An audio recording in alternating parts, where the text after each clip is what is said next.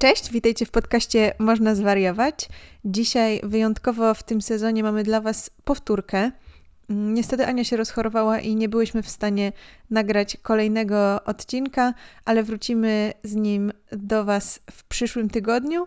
E, a teraz zapraszamy Was do posłuchania jednego z naszych ulubionych odcinków, e, czyli odcinka o mindsetie, o nastawieniu, o, o podejściu do życia i rzeczy. Bardzo go lubimy, więc mamy nadzieję, że może część z Was nie słyszała go jeszcze w ogóle, a e, część z Was może usłyszy po raz kolejny i będzie miała jakieś nowe przemyślenia. Jak zwykle zapraszamy Was do dzielenia się nimi e, z nami na naszej grupie Można Zwariować Społeczność i dziękujemy patronom i matronkom, w szczególności Filipowi Pędzińskiemu, Kubie Barankiewiczowi, Marii Rychlińskiej, Jarkowi, Anicie, Markowi, Konradowi, Mai, Tobiaszowi, Zosi i Karolinie. Bardzo Wam dziękujemy i zapraszamy do słuchania tego odcinka.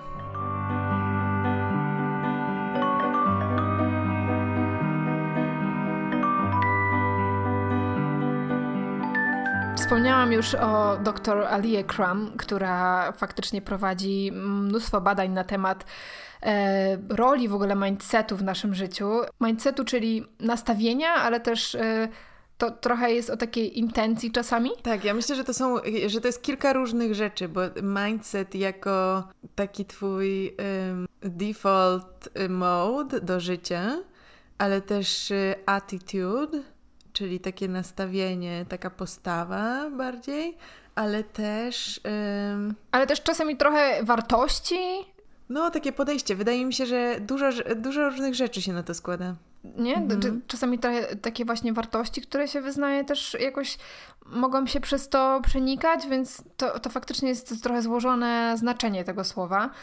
Mm, I to, co mnie też bardzo zaciekawiło w, właśnie w tej rozmowie z Hubermanem, to, że ten efekt tego, jaki mamy właśnie nastawienie do pewnych kwestii, e, jest bardzo podobny do efektu placebo. Czyli też coś, co na przykład w terapii e, poznawczo-behawioralnej często tłumaczymy pacjentom jako samospełniająca się przepowiednia. Że jeśli właśnie masz takie nastawienie, że no jestem porażką do niczego i nic mi nie wyjdzie, albo jakaś konkretna rzecz mi się nie powiedzie, no to często tak się staje, bo po prostu albo nie podejmujemy wystarczającego wysiłku, albo już właśnie poddajemy się, bo, bo i tak właśnie ta przepowiednia się spełni i trochę kopiąc pod sobą dołki, mm, tak się dzieje. Mm, a, a ten efekt placebo jest właśnie czymś, co mnie interesuje już od czasów studiów, bo trafiłam kiedyś na fakultet właśnie tylko o tym efekcie i mnóstwo badań tam było, które po prostu no były powalające i, i faktycznie przypomniałam sobie kilka z nich e, w tym podcaście, na przykład to, jakie, z jakim nastawieniem e, zjadasz coś kalorycznego, jeśli na przykład myślisz sobie, że że to jest lekkostrawne i dobre dla Twojego ciała, to. To szybko y, przytoczę tylko, że w tym podcaście to jest y, opisane na podstawie dwóch y, milkshake'ów, które obydwa miały taką samą kaloryczność. To była jedna grupa, ale jednego dnia y, usłyszała, że to jest wysokokaloryczna rzecz, a drugiego dnia usłyszała, że to jest niskokaloryczna rzecz. I jaka była różnica? Tak, no, różnica była taka, że po prostu organizm tych osób produkował różne e, hormony i różne, i różne różne enzymy trawienne. Przystosowano do tego właśnie z jakim nastawieniem podchodzisz do tego. A nie tego, jak re realna była wartość energetyczna czy tego jedzenia. Tak, no i to też trochę może, może pokazywać, jak właśnie mm, jakieś takie przywiązanie w ogóle do tych kalorii i do tej diety może dużo zmieniać, aniżeli jeśli po prostu coś tam się zjada, nie? Ale to, to jako taki, taka ciekawostka i przykład, bo to, co na mnie zrobiło największe wrażenie, to właśnie to znaczenie, jakie mm, przypisujemy stresowi. Mm, no i okazało się, że większość ludzi w tych badaniach e, miała taki negatywny obraz stresu, czyli traktowała go jako problem e, i ten stres często wydawał się czymś właśnie takim przytłaczającym, na co nie mamy zasobów. I jedyną grupą chyba, która podchodziła do stresu zupełnie w inny sposób, właśnie jako taki mm, motywator, takie coś, co e, pobudza bardziej właśnie do działania, to byli e, żołnierze Navy SEALs, czyli e, no, osoby, które żyją w ciągłym stresie i które faktycznie czerpią z tego stresu jakąś energię i motywację do działania i do ryzykowania swojego życia w pracy.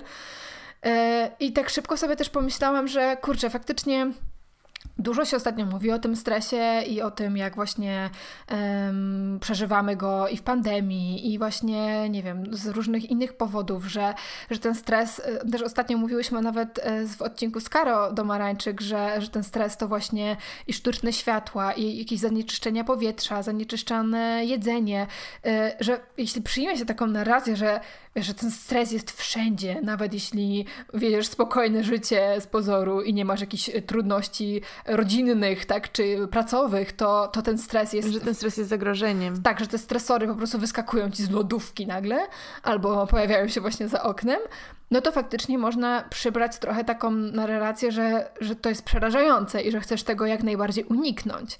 Mm, no tylko, że jak już sobie tak rozmawiamy o tym, no to faktycznie część z tych stresorów jest taka, że nie da się ich uniknąć, jeśli chcemy żyć w XXI wieku w cywilizacji, w mieście, e, a nie gdzieś na wsi hodować swoje e, jedzonko i nie wiem, posiadać kurczaki, które znoszą ci jajka, no to no to po prostu musimy się na to zgodzić. I jeśli przeformuj, przeformujemy sobie tak to w głowie, że że ten stres nas motywuje, że, że to, że mamy stres jest naturalne w ogóle i ten nieszczęsny kortyzol, który jest wszędzie teraz tak po prostu demonizowany, że, że on się jest pustoszeniem w naszym organizmie, też jest trochę mitem i takim nadwyraz e, stwierdzeniem, bo mamy jako ludzie naturalny rytm kortyzolu i to nie jest tak, że da się go wyeliminować, bo wpadlibyśmy e, pod pierwszy lepszy samochód na ulicy, gdybyśmy nie mieli kortyzolu i reakcji stresowej w naszym organizmie. E, jego poziom jest też właśnie najwyższy o poranku, dlatego możemy mieć tą motywację do działania rano i utrzymywać jakiś nasz rytm pracy, work-life balance no i faktycznie należy to jakoś sobie pielęgnować, a nie się tego pozbywać zupełnie, nie? O stresie też posłuchacie w naszym odcinku o stresie. Nie pamiętam jaki numer, ale podlinkujemy Wam go w opisie do tego odcinka, bo już y, analizowałyśmy ten temat. Tam też dzielimy się wieloma praktycznymi sposobami, jak właśnie y, zamykać taki cykl stresu i jak sprawić, żeby on nie był taki uciążliwy. Ale rozumiem, że to już jest segway do y, nastawienia i Twoich anegdotek. nie no, jeśli chcesz jeszcze coś powiedzieć o stresie, to yy, powiedz. Nie no, tak, tak jeszcze domykając, to faktycznie jakby zorientowałam się na swoim przykładzie, że, że ostatnio sobie tak bardzo zinternalizowałam to, że, że mam tyle stresu w życiu i na przykład właśnie zauważałam jakieś takie różne fizjologiczne jego objawy, u mnie to na przykład jest ciągły problem z AZS-em, który właśnie dermatolożka też zasugerowała mi, że, że to może być spowodowane przez stres, bo w wynikach badań krwi nic jakby nie było żadnej ku temu podstawy. No i tak sobie o tym cały czas myślałam, że, że chyba tak bardzo już jakby wmówiłam sobie, że to jest ten stres i że to jest takie straszne, bo ten stres się nie kończy, e, że ten AZS też się nie kończy i tak wydaje mi się, że wiele osób na przykład odczuwa e, różne żołądkowe problemy, czy jelitowe w związku ze stresem. To jest ciekawe, że o tym mówisz, dlatego że w tym odcinku podcastu, do którego nawiązujemy, był wątek tego, że ta praca z mindsetem i nastawieniem była wykorzystywana do odczulania dzieci uczulonych na różne jedzenie.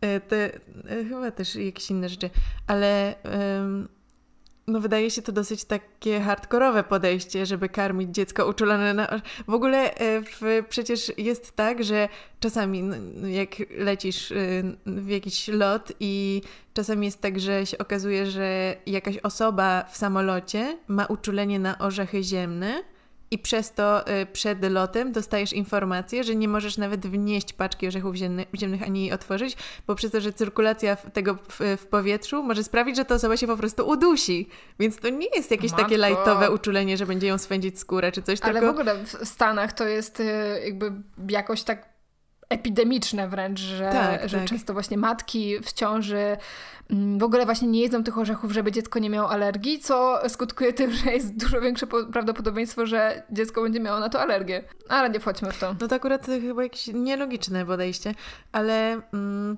właśnie w, w, tym podcaście był wątek tego, że właśnie y, odczulenie dzieci poprzez podawanie im y, tego, na co są uczulone i zmianę podejścia tego, że ta reakcja to nie jest, mhm. że uczulenie i że że straszne i że niebezpieczeństwo, tylko że no to są takie skutki uważne tego, że mhm. zjesz sobie coś tam. No tak, to no też ciekawa, e, ciekawa, ciekawe podejście i myślę, że, że można też to przeformułować na coś, co w obecnym okresie się przeżywa, nie? No bo każdy z nas pewnie jakoś indywidualnie może sobie tą narrację dopasować. Widziałam to jakoś niedawno w kilku filmach, e, w których e, była jakaś e, taka postać nadgorliwej matki, która e, pod kloszem chroniła swoje dziecko przed wszystkim, żeby się nie ubrudziło, żeby się nie mhm. uderzyło, żeby nie zjadło czegoś, a żeby tego nie zjadło, bo tego nie lubi i tak dalej, i tak dalej. I w sumie rzeczywiście nawet w ten sposób można generować takie lękowe podejście wobec e, czegoś i wydaje mi się, że to, no, że to się dzieje w ogóle na świecie teraz. E, wobec tego, że tego nie jedz, bo e, to cię uczuli, albo cię będzie coś boleć, albo coś takiego. Tak, z kolei też badania z psychologii społecznej pokazują, że jeśli, jeśli dziewczynkom w szkole um, jak jakby przypomni się, że na przykład są gorsze z matematyki, to one faktycznie napiszą ten test gorzej. A jeśli wzmocni się to poczucie, że właśnie jest się w czymś dobrym i w ogóle to są takie badania już nawet mm, nie, nie, nie, nieznacznie z, z płcią, e, to, to faktycznie jeśli wzmacnia się takie poczucie, że dasz radę to napisać, że to jest materiał, z którego jesteś dobry, mm, no to lepiej, lepiej nam wychodzi pisanie testu. I, i mnóstwo też było, też było takich badań na przykładzie właśnie mm, takich, wiesz, e, pupili klasowych, nie? Że, że w momencie, kiedy ich jakby się wzmacnia na przykład na tle grupy, że, że ty jesteś na przykład najlepszy z klasy, a inni są gorsi, no to gdybyśmy tak wzmacniali całą klasę, a nie tylko pojedyncze dzieci, to wszyscy byliby świetnymi uczniami może. Kojarzysz takie powiedzenie if you can think it, you can do it, czy tam if, if you can dream it, you can do it. Jeśli jesteś w stanie to sobie pomyśleć, to jesteś w stanie to zrobić. Mhm. Brzmi mocno coachingowo. Tak, myślę, że to mm, rezonow rezonowało to ze mną e, na, w okresie, gdzie byłam aktywna na Tumblerze, jakiś 2012 rok. Ja byłam wobec niego tak raczej zawsze sceptyczna, że mm, wydawało mi się to za proste, albo takie, że to nie jest tak, że to ty, tylko w ten sposób działają tak, rzeczy. Że właśnie trochę zakrawa o jakąś wizualizację. Albo tak, że, albo, że właśnie coaching, wizualizacja, że takie to mi się wydawało właśnie, no, że nie wiem, do pewnego momentu. I to będzie super ciekawa historia. E, ale która też się pokrywa z tym, co było w tym podcaście, dlatego że mm, ta badaczka, o której mówimy, ona też wcześniej była e, atletką. E, I ojciec był też sportowcem i miała taką historię właśnie treningów i tak dalej. I ona mówiła o tym, co ja sama odkryłam i jak to odkryłam, to myślałam, że odkryłam jakiś super power. Dlatego, że jak e, przeprowadziłam się z Nowego Jorku do Warszawy i zaczęłam chodzić na sekcję wspinaczkową e, dwa razy w tygodniu, to no musiałam się przestawić, miałam nowego partnera wspinaczkowego, więc tam oczywiście jest zawsze strach tego, że nie znamy się tak dobrze, nie wiem, czy nie puścili inny w którymś momencie. Absolutnie tak nie było. To była jedna z najbardziej kompetentnych osób do asekuracji, z jakimi miałam do czynienia w życiu. No i w każdym razie, no więc miałam y, jaką, jakiś lekki strach i na przykład pamiętam, że robiłam jakąś drogę, taką w lekkim przewieszeniu i wiedziałam, że jestem w stanie skończyć tę drogę, tak fizycznie, ale miałam jakiś taki strach, dlatego że na przykład był jakiś taki ruch, który był bardziej dynamiczny, no i się bałam spaść, no nie? I ponieważ yy, myślałam o tym później w kółko, wiesz, wchodziłam, no oczywiście, no tam próbujesz sobie kilka razy, yy, wchodziłam tę drogę w mojej głowie kilkukrotnie i już w głowie znam, wiesz, każdy ruch, pamiętasz, tutaj musisz na przykład zrobić jakiś przechwyt, gdzieś się skręcić, coś tam. I myślałam o tym po prostu cały czas. Y, tak, y, tak jak już kiedyś opowiadałam w naszym podcaście, że tak jakby w trybie z tyłu głowy. To tylko ty masz tą funkcjonalność, ale mm, okej. Okay. Nie, no co ty. No, że jakby tutaj masz tryb z przodu głowy, gdzie robisz te rzeczy wszystkie teraz, a z tyłu głowy ci się po prostu mhm. myśli, myśli, myśli, myśli, a potem masz gotowe rozwiązanie albo jakiś gotowy pomysł. No tak jest ze wszystkim. Ciekawe, co na to Ola Piejka. No dobra, nieważne, już próbowałam to kiedyś wytłumaczyć. No w każdym razie, przez to, że to było cały czas z tyłu głowy, to też dochodziło do tego, że po prostu robiłam to w moim śnie. I we śnie robiłam całą tę drogę Do końca. I, ko I kończyłam tę drogę. Kolejnego dnia szłam na wspinanie, wchodziłam tę drogę za pierwszym razem bez najmniejszego zawahania i problemu, Wow. dlatego że już zrobiłam ją we śnie. Ale to był świadomy sen? Nie, po prostu sen, dlatego że jak o czymś tak myślałam w kółko i w kółko cały czas, no to to mi się też zalogowało Okej. w głowie, że to o tym musi mi się śnić też. I nie zliczę, ile razy było tak, że próbowałam, y, byłam na y, ścianie, próbowałam wejść jakąś drogę i miałam jakiś kruk, z którego nie mogłam pokonać. No nie mogłam dosięgnąć, albo bałam się trochę wybić bardziej dynamicznie, albo coś, cokolwiek. Wracałam do domu, myślałam o tym, y, przyśniło mi się, jak wchodzę całą tę drogę. Szłam kolejnego dnia tam któregoś i robiłam to za pierwszym razem bez najmniejszego problemu.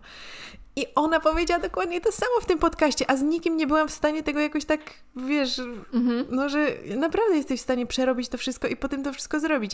I wydaje mi się, że to jest super jakaś magiczna moc, którą wszyscy możemy mieć. Ona też mówiła o tym, że ten mindset jest u sportowców o tyle super ważny, że właśnie to jest dokładnie to, że jeśli nie jesteś w stanie sobie zobaczyć w głowie, że coś robisz, że mm, nie chcę powiedzieć osiągasz jakiś sukces, bo to nie, nie chodzi o sukces per se, tylko bardziej o to, że na przykład, że jesteś w stanie właśnie wejść, wejść tę drogę w swojej głowie, to wtedy dopiero jesteś w stanie to zrobić.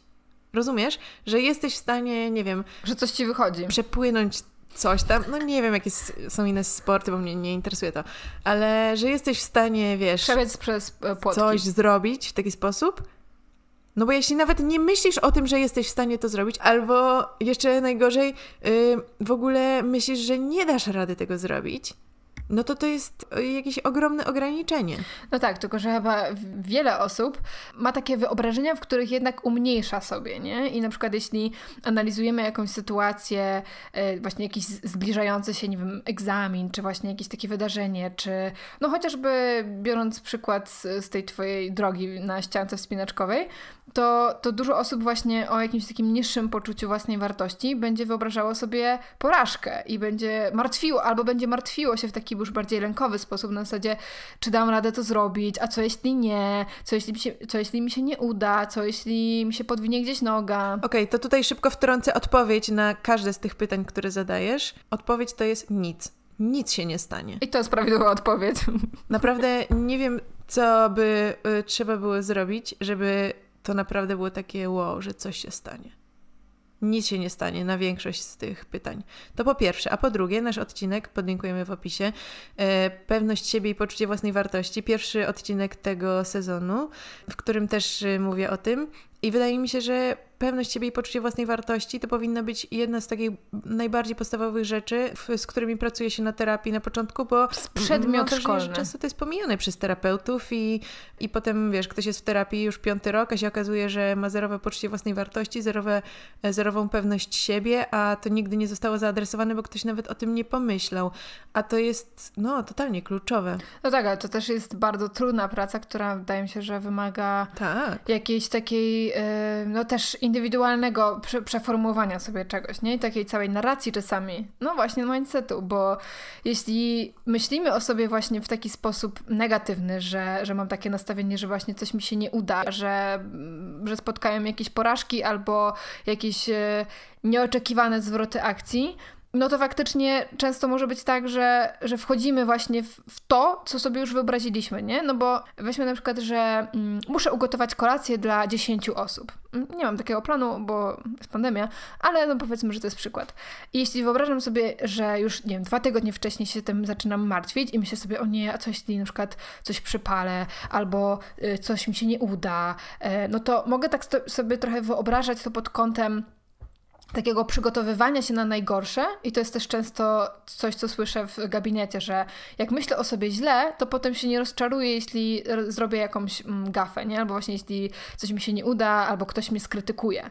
To nie będzie zaskoczeniem, bo ja już jakby pomyślałam sobie o sobie najgorsze wszystkie rzeczy, albo to, co najgorzej robię.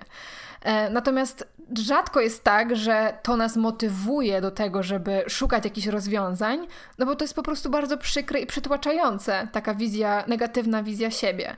Więc myślę, że też to właśnie to nastawienie y, jest tutaj kluczowe, bo jeśli wyobrażam sobie, że coś może się nie udać, ale szukam rozwiązań i na przykład przygotowuję się, robię sobie plan B, plan C, nie wiem, kupuję po prostu dodatkową paczkę makaronu, że jak mi się rozgotuje, to szybko ugotuję drugą. I wiesz, takie bardziej no, główkowanie i takie szukanie y, rozwiązań, ale też z taką intencją, że chcę dla siebie dobrze i chcę, żeby mi się udało i mogę analizować jakąś sytuację i, i e, spędzać e, właśnie ten czas w wyobrażeniach, ale nie po to, żeby sobie dokopać i żeby przypomnieć sobie wszystkie swoje najgorsze aspekty życia, tylko żeby przygotować się do jakiejś pozytywnej zmiany.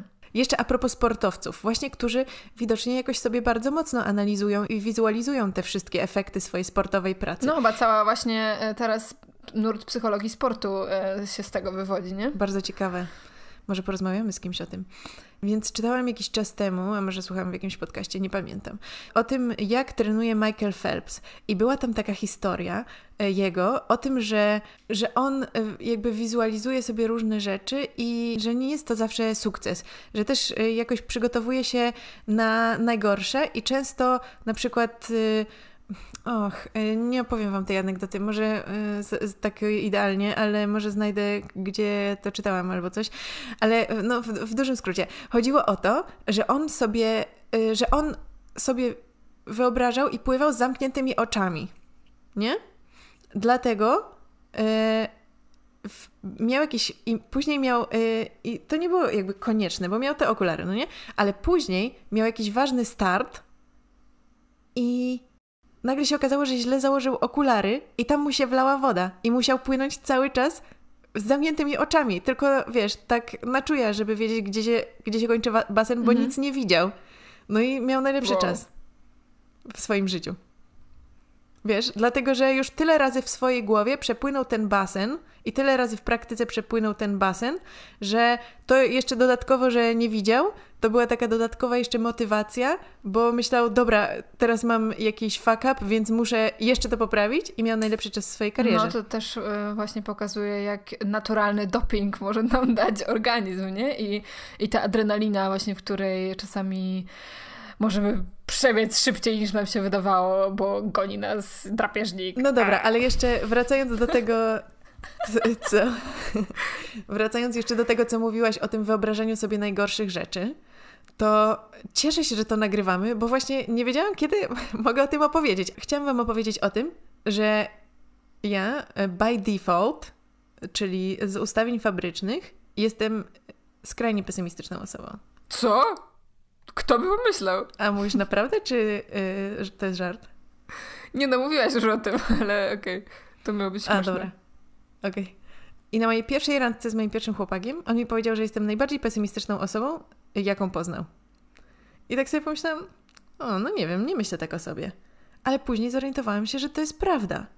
I jak zaczęłam pracować w Mediolanie, to też miałam taką rozmowę z moim agentem, który powiedział, musimy popracować nad Twoim attitude. No i wiedziałam jakby w teorii, co to znaczy attitude. No i zaczęłam się nad tym zastanawiać i tak bardziej czułam się, wiesz, y, niedoceniona, że dlaczego? No a też miałam wtedy 14-15 lat, pracowałam z ludźmi, którzy tyle lat albo dwa razy tyle lat już pracowali w, tylko w tej branży i tak dalej. No ale to wtedy zaczęłam też się nad tym zastanawiać. I szybko się zorientowałam, że rzeczywiście, może moje nastawienie nie jest właściwe, może jest takie trochę lękowe. Wydaje mi się, że teraz na przykład jak patrzę na zdjęcia, to widać, że, że jakby, że jest coś nie tak, że ja, że ja czegoś w tym nie łapię, w tej pracy i nie, mimo że bardzo chciałam ją robić, to nie potrafiłam też mieć z niej takiej przyjemności.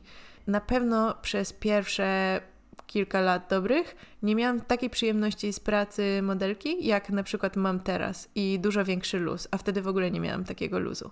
I zaczęłam nad tym pracować. Chyba dopiero jak trafiłam do szpitala, zaczęłam nad tym wszystkim pracować.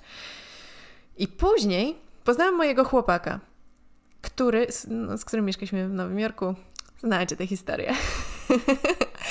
E, I, e, I on był najbardziej optymistyczną osobą na świecie. Ale w taki już wręcz, no może trochę tłumacz. Aż to było dziwne.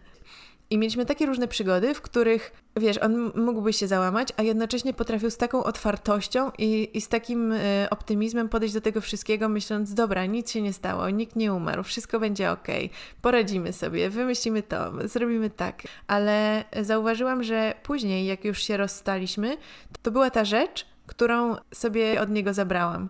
I to jest chyba jedna z cenniejszych rzeczy, które jakby od kogoś mam. I też zdałam sobie wtedy sprawę, że nastawienie to jest wybór. To jest zawsze wybór, bo ja, będąc yy, być może z natury najbardziej pesymistyczną osobą na świecie, teraz zawsze świadomie wybieram to, że chcę być pozytywnie nastawiona, optymistyczna i szczęśliwa. Czy przychodzi mi to łatwo?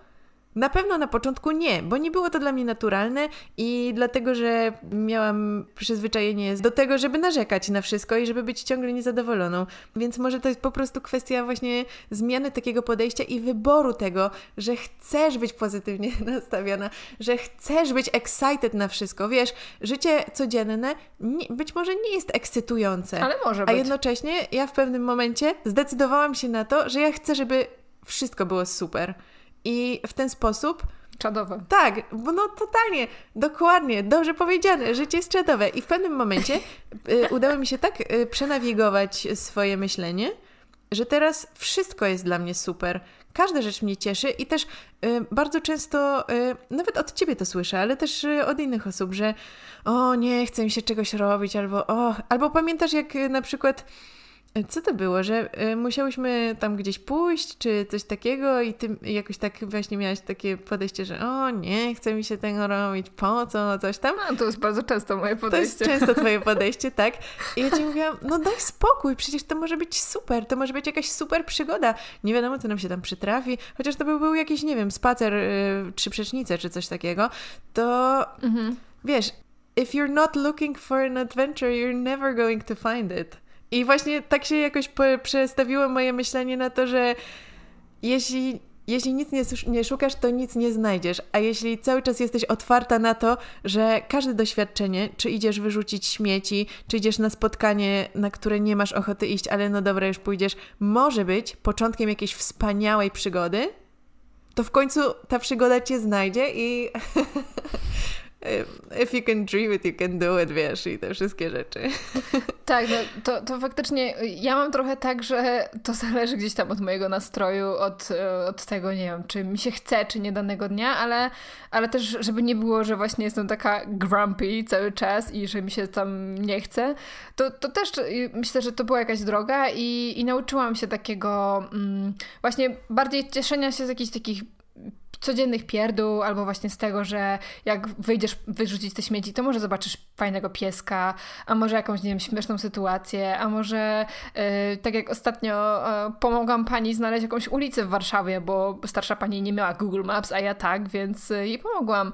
Mm, ale to, co też ostatnio właśnie na wakacjach mnie tak dotknęło, mm, to, że ja jakoś y, no, często miałam e, takie poczucie, że, e, że na wakacjach wszystko mi się jakoś udawało. Zazwyczaj wszystko szło zgodnie z planem, bez jakichś takich większych fakapów. E, jeśli gdzieś chciałam pójść, to, to szłam i, i raczej wszystko było mm, ok.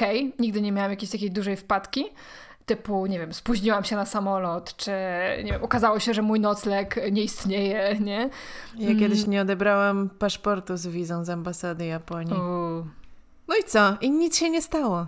Poleciałam trzy dni później. No tak. Mm, teraz jak, jak byłam na tych wakacjach właśnie we, we wrześniu, e, no to nie spodziewałam się właśnie, że wrzesień może być na południu Europy jakimś takim e, bardziej mm, pochmurnym, czy nawet właśnie burzliwym e, miesiącem, no ale tak się stało, że byłam w takim miasteczku we Włoszech, w którym jak padał deszcz, to wprowadzali alarm przeciwpowodziowy, ponieważ kilka lat temu właśnie była tam powódź, która e, no, zrujnowała jakby całe takie zabytkowe miasteczko na, położone na klifie. E, I zamykali po prostu całe miasteczko. Nie można było tam w ogóle wejść, nie, wszystkie bary, restauracje były zamknięte, e, nie jeździły pociągi pomiędzy tymi miasteczkami. E, no i ogólnie e, byłam tam tylko na dwa dni, więc jak to się wydarzyło, to byłam wkurwiona, bo miałam w planie przejść takim właśnie szlakiem pomiędzy tymi miasteczkami i w ogóle no wyobraziłam sobie właśnie, jak to będzie cudownie, hiking, Włochy, wiesz, winorośla wokół, morze, skały, no cudownie i nagle okazało się, że na stacji kolejowej pani mówi mi, że nie, że wszystko jest zamknięte i nigdzie nie mogę pójść. A ledwo padał deszcz. E, no i okazało się, że faktycznie trzeba było zmienić na szybko plany i e, no ja zaczęłam się martwić potem e, już kolejnego dnia, czy też będzie padać, czy może nam się uda jednak na ostatnią chwilę zrobić ten szlak i wiesz, jakby stresowałam się, że nie wiem, zaleje nam namiot, bo pada ten deszcz i coś tam, coś tam. No i kiedy już to wszystko się udało finalnie, na szybko jednak, ale, ale się udało, to pomyślałam sobie, że kurde, w zasadzie tyle stresu, e, takiego właśnie zamartwiania się, że o, o rany, jestem na wakacjach i coś tam się nie udało, co można sobie przeformułować na to, że to była po prostu przygoda, że wiesz, jesteś we Włoszech Dokładnie. i nagle ktoś ci mówi, że całe miasteczko jest zamknięte, bo przez kilka godzin padał deszcz. Wiesz, jakby tego samego dnia my potem poszliśmy na plażę, i potem wszystko było dobrze, jakby nie było pewnie potrzeby zamykania tych miasteczek, no ale ktoś tam po prostu jest bardzo ostrożny i nie chce, żeby zdarzyła, się jakaś kolejna tragedia. Dokładnie, ale tutaj jest chyba też ten wątek tego, że ty masz jakieś oczekiwania, że twoje wakacje będą jakieś, że masz jakiś plan i że chcesz, żeby to było tak i tak. A jeśli właśnie nie podchodzisz z oczekiwaniami, tylko z otwartością do tego, co się jeszcze może wydarzyć, to chyba to trochę też niweluje to i, i, i, bardziej nawigujesz tym nastawieniem, raczej niż tymi oczekiwaniami, które, e, do których musi się dopasować rzeczywistość. Tak, i myślę sobie, że w ogóle tutaj słowem klucz jest też otwartość i to, jak godzimy się na jakieś mhm. rzeczy, które do nas przychodzą. Otwartość na doświadczenie. Otwartość na doświadczenie, ale też e, taka łatwość akceptowaniu pewnych rzeczy, które nam się przydarzają. E, I to myślę, że szczególnie jest trudne, jeśli no na przykład właśnie podróżuje się w jakiejś grupie osób, albo parze, albo właśnie może z jakąś przyjaciółką czy przyjacielem, którego jeszcze dobrze nie znasz i jakie nastawienie macie do tej przygody, do tej podróży, ma ogromny wpływ na Was nawzajem. E, bo jeśli ktoś właśnie będzie tą grumpy osobą, która narzeka na wszystko, że tu jest za drogo, a tu jest za gorąco, a tu jest za zimno, to no, będzie wprawiało w ogromny dyskomfort i to jest coś, czego też się nauczyłam, mm, jak byłam na Work and Travel i podróżowałam ze dwo, z dwoma koleżankami, z które każda, każda z nas była z innego kraju, ale też zupełnie z innej kultury i właśnie to ja byłam tym narzekającym Polaczkiem, a one były dużo bardziej otwarte i, um, i takie przygodowe niż ja wówczas, więc to jest też coś, z czego nauczyłam się od nich. Ale to super, że mogłaś się e, od nich tego nauczyć, no dokładnie. Myślę, że przede wszystkim nastawienie może mieć taki ogromny wpływ na naszą codzienność i widzę to często w tym, że wiesz, ludzie nie lubią robić takich codziennych rzeczy i na przykład o, jeszcze musimy zrobić zakupy albo o, jeszcze musimy gdzieś tam dojechać, to będzie trwało godzinę, albo czy daleko jeszcze, czy jeszcze długa ta podróż, że na przykład już myślisz o destynacji, a ta podróż to jest po prostu jakiś um, jakiś element tego, że no musisz to zrobić, żeby dotrzeć tam. A ja w którymś momencie się zorientowałam, że w moim mózgu to trochę chyba inaczej wszystko się e, klasyfikuje i wpada w inne komórki w tym Excelu, dlatego że w którymś momencie zorientowałam się, że ja właśnie ja nie mam takiego poczucia, że o, jeszcze musimy dojechać.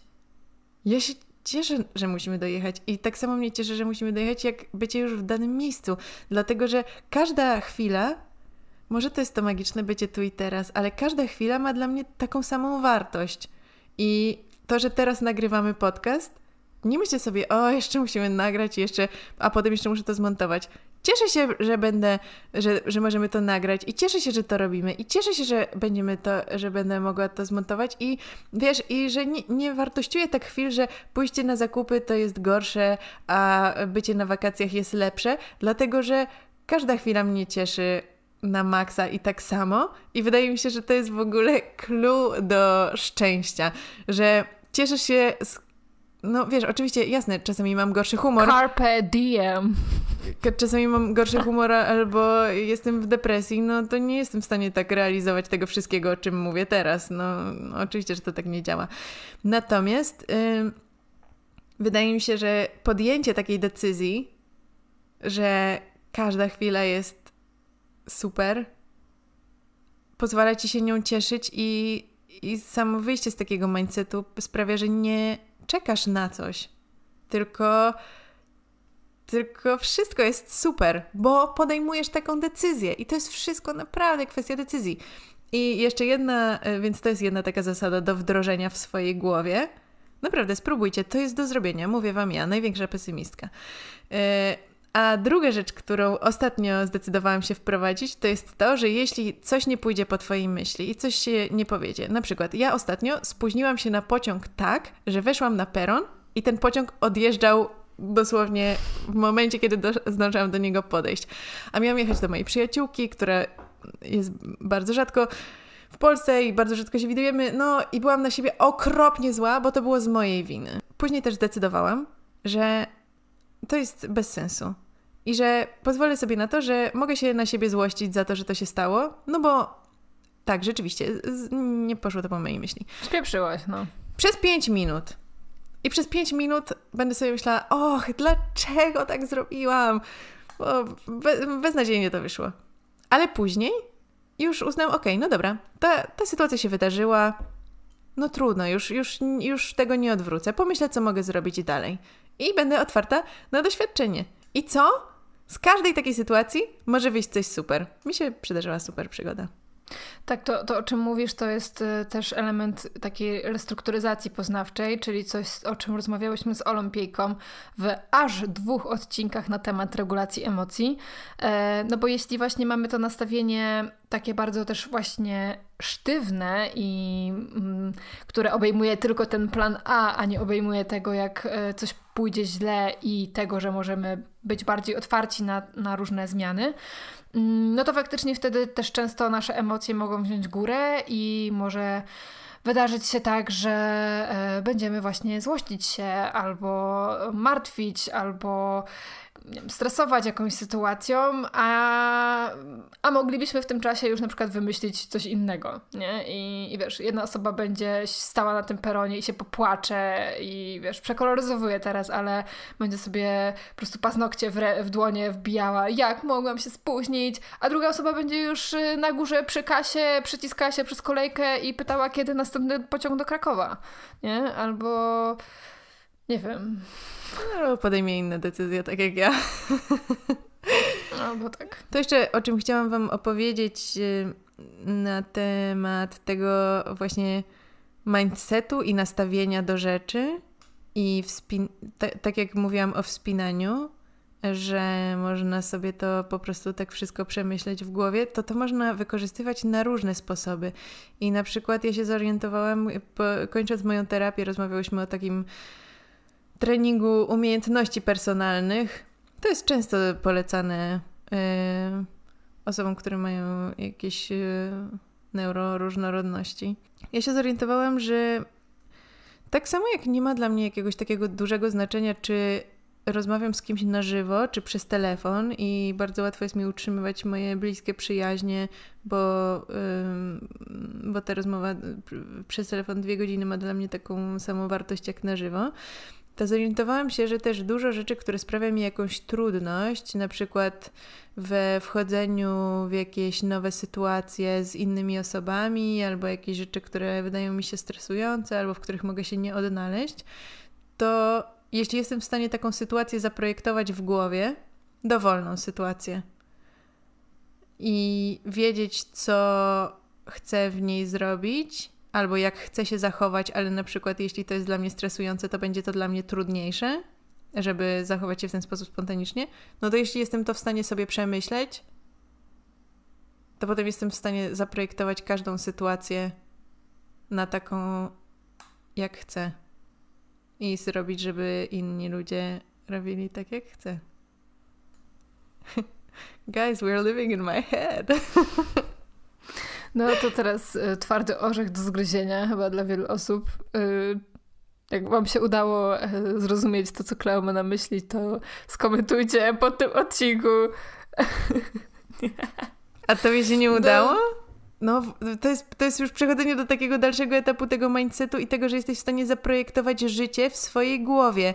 I jeśli pomyślisz, że na przykład chcesz, żeby jakaś sytuacja wyglądała tak i tak, albo że na przykład chciałabyś zrobić coś, co na razie jest dla ciebie zbyt jakieś, e, nie wiem, ambitne, stresujące, albo trochę nie wiesz jak, ale jeśli przeżyjesz tę sytuację w swojej głowie i wymyślisz sobie na realistycznych podstawach miejsca, czasu, tego, z kim jesteś i co z tą osobą robisz, to potem jedyne, co musisz zrobić, to tylko odtworzyć to drugi raz albo kolejny, tylko w prawdziwym życiu.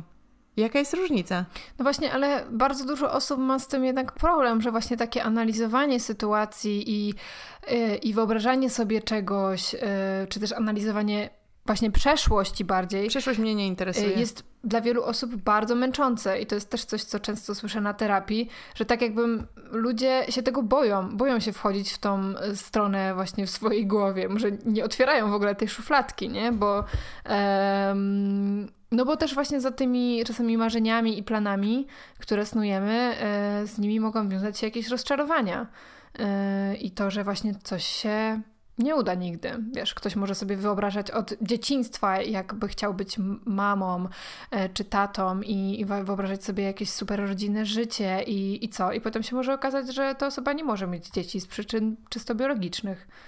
No i, i to już nigdy nie będzie ten sam plan. Ale to ja nie mówię o takich, nie, nie, to ja nie mówię o takich sytuacjach, takich wiesz, bo ty mówisz o takiej sytuacji, która jest bardzo ogólna, że ktoś zostaje rodzicem, a ja mówię o sytuacji bardzo konkretnej, na przykład, yy, że mamy się spotkać, ty i ja, w relaksie i ja ci mam do przekazania jakąś yy, wiadomość, która, którą jakoś mi trudno powiedzieć na przykład.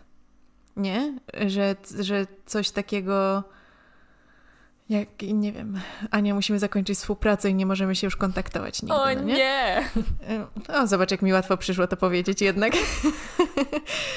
Ale no wiesz, że albo, że, że chcę, żeby coś wyglądało w jakiś sposób.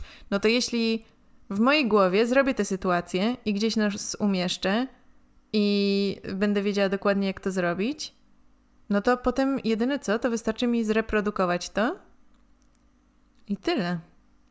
Bo już, wiesz, no to tak jak ze wspinaniem. Już tyle razy weszłam tę drogę wspinaczkową w mojej głowie, że teraz zrobienie tego w rzeczywistości jest już tylko proforma. Zastanawiam się, skąd bierzesz czas na to, żeby myśleć w swojej głowie o rzeczach, które planujesz zrobić i jeszcze potem to robić i jeszcze potem mieć życie. A no tak, to nie jest świadome myślenie. No mówię ci, to jest to, co ci cały czas pokazuje, że tutaj jest to teraz, a tutaj jest to, że mhm. to się jakby... Czyli płat czołowy mm. jest teraz, a I móżdżek i pień mózgu jest y, to myślenie o, w style głowy. Okay. Próbuję to teraz pokazać, y, ale nie... y... Neurologicznie nie ma to podstaw żadnych, ale no chodzi mi o to, że masz taki tryb y, bieżący i tryb który powiedzmy tryb bieżący, tak bym powiedziała, jedna trzecia i dwie trzecie takiego świata, który się po prostu dzieje. Błagam, zgłoś się do jakiegoś laboratorium, jakieś badania neurologiczne, bo to może, to może to jest jakaś funkcjonalność mózgów, które jeszcze my nie mamy. My po prostu neurotypowi, e, szarzy ludzie. Może to po prostu jest jakieś, wiesz, może powinniśmy na przykład genetycznie e, zaprogramować nowe pokolenia na takie tryb myślenia i wtedy wszyscy będą osiągać sukcesy. Jezu, nie wiem, może ja jakieś straszne głupoty powiedziałam. To taka moja utopia. No ale, ale wiesz, nie, przepraszam. Nie no, może po prostu ciężko jest nam zrozumieć takie abstrakcyjne koncepty, no. ale wiesz, wiesz dlaczego chciałam to powiedzieć? I rozumiem, że... Mm, że to może brzmieć jakoś abstrakcyjnie, i, ale wierzę, że jeśli słucha nas chociaż jedna osoba, która ma tak samo i. Odezwij się, proszę. Która, która tak czuje, to ja do 18 roku życia byłam przekonana, że nikt na świecie nie myśli tak jak ja. Że coś jest ze mną tak najgorzej i nie tak. Strasznie, to jest dużo lat, 18 lat, bardzo długo, żeby czuć się y, tak skrajnie innym niż wszyscy. I wtedy przeczytałam książkę Ciemno prawie noc Joanny Bator. e, co jest beletrystyka i w ogóle nie ma żadnego związku z niczym, o czym tu rozmawiamy. Natomiast e, narracja tej książki jest poprowadzona w taki sposób, przynajmniej z tego co pamiętam, no to było 10 lat temu, jak ją przeczytałam, ale narracja tej książki jest poprowadzona w taki sposób, że pierwszy raz miałam wrażenie, że ktoś obserwuje świat i jego percepcja jest w jakimś stopniu zbieżna z moją. I to była eureka. Więc jeśli ktoś nas teraz słucha i też ma dokładnie takie przemyślenia na temat swojego myślenia jak ja, to może to jest ten moment, w którym taka osoba po y, x lat poczucia, że nikt nie, nie ma tak jak ona i nikt nie jest taki jak ona i że jest całkowicie jak, jakąś kosmitką, jej osobną jednostką, pomyśli sobie, że jest na świecie jakaś reprezentacja. Wiesz, to tak jak y, uwzględnianie, nie wiem, people of color w filmach i tego, że cały świat filmowy to byli y, białe kobiety i biali mężczyźni i dzieci oglądające filmy nie, nie widziały żadnej swojej reprezentacji, jeśli były czarne. To ja mogę zakończyć takim cytatem, który właśnie ostatnio mm, zaznaczyłam sobie w książce na temat emocji, ale można, myślę, że to odnieść do każdego aspektu naszego życia, umysłu, mózgu. What if your brain and my brain are literally wired differently? So that whatever conclusions you draw about how an emotion is caused in your brain may not apply to my brain. 100% prawdy. Czyli co jeśli twój mózg i mój mózg są zupełnie inaczej zaprogramowane, w cudzysłowie, e, więc jakąkolwiek konkluzję wyciągniesz z tego, jaka emocja jest wywołana przez twój mózg, może nie być adekwatne do tego, jak mój mózg pracuje. To znaczy, że mamy różne swoje interpretacje na temat różnych zachowań, i to może wynikać z tego, że mamy zupełnie różne układy nerwowe, bo naukowcy już to wiedzą, że żaden mózg nie jest taki sam, tak samo jak płatki śniegu. Chociaż to akurat zawsze trudno było mi uwierzyć, że przecież nie zbadano każdego płatka śniegu. One na pewno się jakoś powtarzają. No, przez te miliony lat. A... No, okej, okay. przyjmijmy, że są różne. Nie wiem, jak to um, podsumowanie dotyczące mózgu ma się do naszego nastawienia, ale jakby co, to jest też neuroplastyczność i możemy też rewire our brains. Y, słuchajcie, no, jak już Wam powiedziałam, a możecie mi zaufać, bo ja nie kłamię. By default, niestety. Y, to naprawdę jest tak, że jeśli możecie sobie to pomyśleć i wymarzyć i konkretnie zobaczyć, jak robicie daną rzecz, to potem jesteście w stanie to zrobić, bo już zrobiliście to w swojej głowie. Więc teraz wystarczy tylko to powtórzyć jeszcze raz. A jak pomyślicie sobie wiele razy? No i pozytywne nastawienie. Niby frazes, a jednak nauka potwierdza. A jednak to też wszystko zależy od Was. I wiem, że łatwo komuś powiedzieć e, w depresji, rozchmurz się. Oczywiście nie mówimy o takich sytuacjach, ale mówimy o takim ogólnym nastawieniu, e, na które możemy mieć wpływ. Ale w depresji nastawienie jest też ogromnie ważne i takie po, poczucie tego, że. Ogromnie, ale bardzo ciężko. Takie, ale takie poczucie, że, że masz wpływ na jakiekolwiek rzeczy w swoim życiu, nawet jeśli to jest właśnie wstanie z łóżka, ubranie się, zjedzenie śniadania, też budują to poczucie sprawczości i i mogą pomagać w budowaniu nastawienia, że, że tak, jakby jutro też dam radę to zrobić. Także, wiecie, to wszystko jest w głowie. Poklepałam się tak po skroni, jak myśliciele robią. Dla tych, co nie widzą, czyli wszystkich poza Kleo. Mam nadzieję, że te wszystkie ciekawostki i moje przemyślenia nie wybuchną tego odcinka i zrozumiecie o co mi chodzi. A jeśli nie, to Przemilczmy to. E, ale Kleo bardzo potrzebowała to z siebie wyrzucić, więc... E, w ogóle nie potrzebowałam. Mogłam tego tak. nie mówić. Cut her some slack. Pamiętajcie o tym, że możecie wspierać nas na Patronite. Dziękujemy nowym osobom, które tam dołączyły. Dziękujemy Zosi, która hojnie nas wspiera.